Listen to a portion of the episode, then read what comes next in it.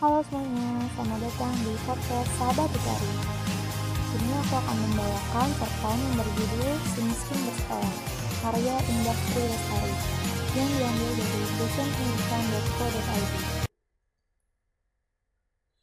Sudah delapan bulan, Yahya masih saja teringat dengan ayahnya yang meninggal karena kanker yang dideritanya.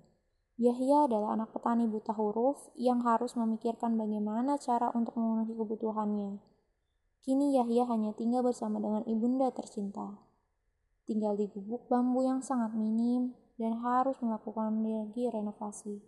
Rumah Yahya terletak di desa Pagar Banyu yang pada saat itu belum ada sama sekali penerangan listrik di desa tersebut. Pada saat malam, Yahya hanya bisa membaca buku yang ditemukannya dari tumpukan tempat sampah pinggir sekolah dan hanya disinari oleh lampu minyak yang membuatnya cahaya merah di mukanya.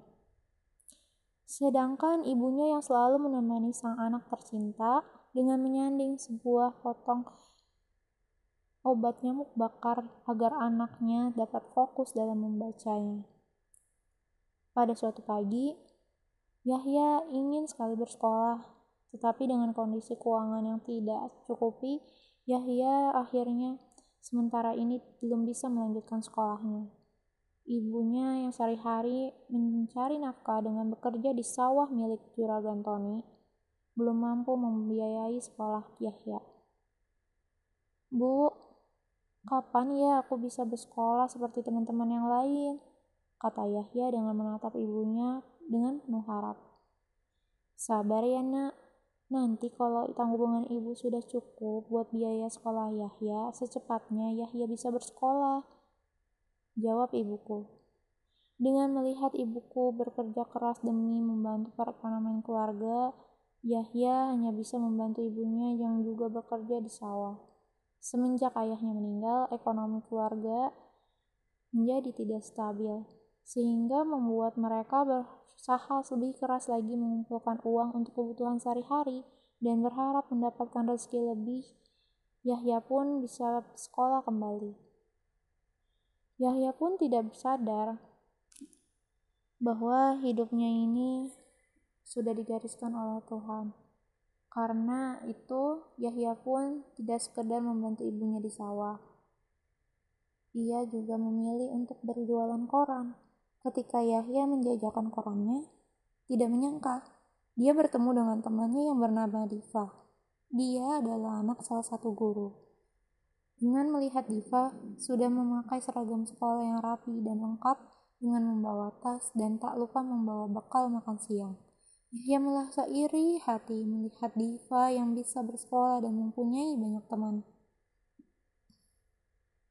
Yahya, aku berangkat sekolah dulu ya, Takut telat, ada upacara bendera hari ini, kata Diva sambil bergegas berangkat dan meninggalkan Yahya. Oh iya Diva, hati-hati ya di jalan. Menatap Diva dengan merasa sedih. Yahya pun bergegas pulang dan menemui ibunya yang sedang bersiap untuk pergi bekerja. Bu, kenapa sih hidup kita miskin? Kenapa aku nggak bisa seperti teman yang lain? Coba aja ya masih bisa hadir di sini.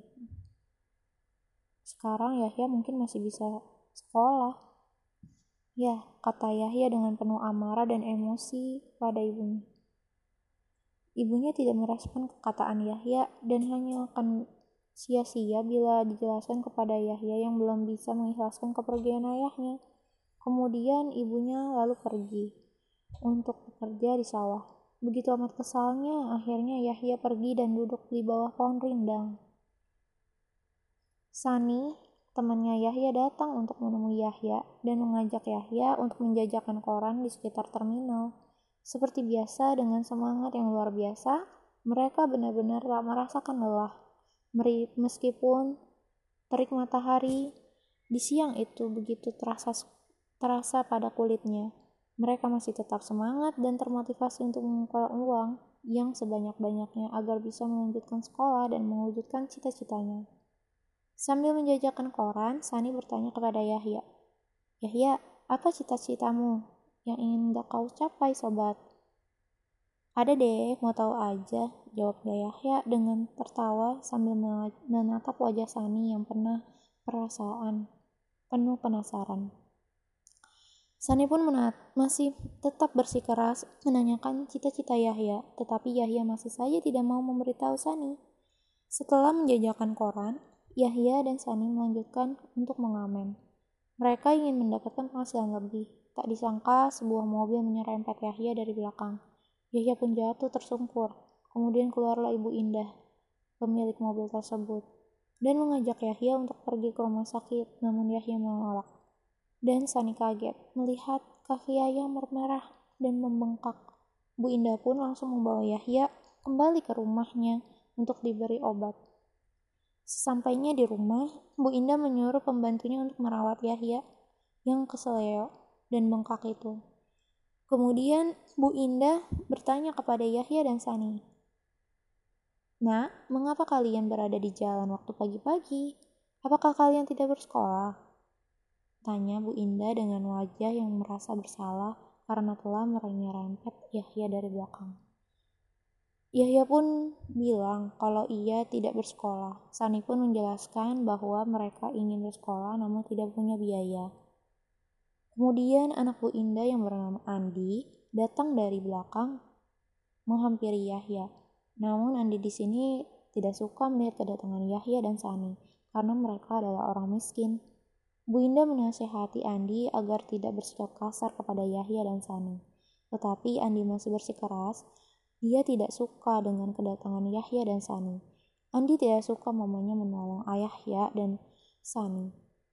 Dan Ibu Indah ingin menolong mereka agar bisa sekolah kembali.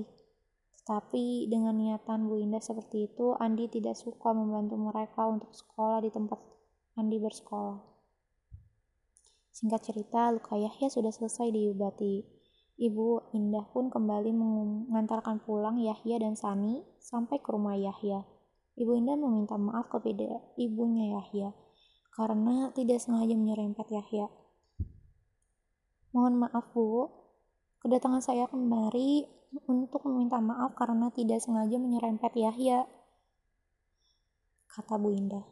Tidak apa-apa Bu, saya mengerti Memang kondisi ekonomi saya tidak memungkinkan, sehingga Yahya membantu saya memenuhi kebutuhan keluarga.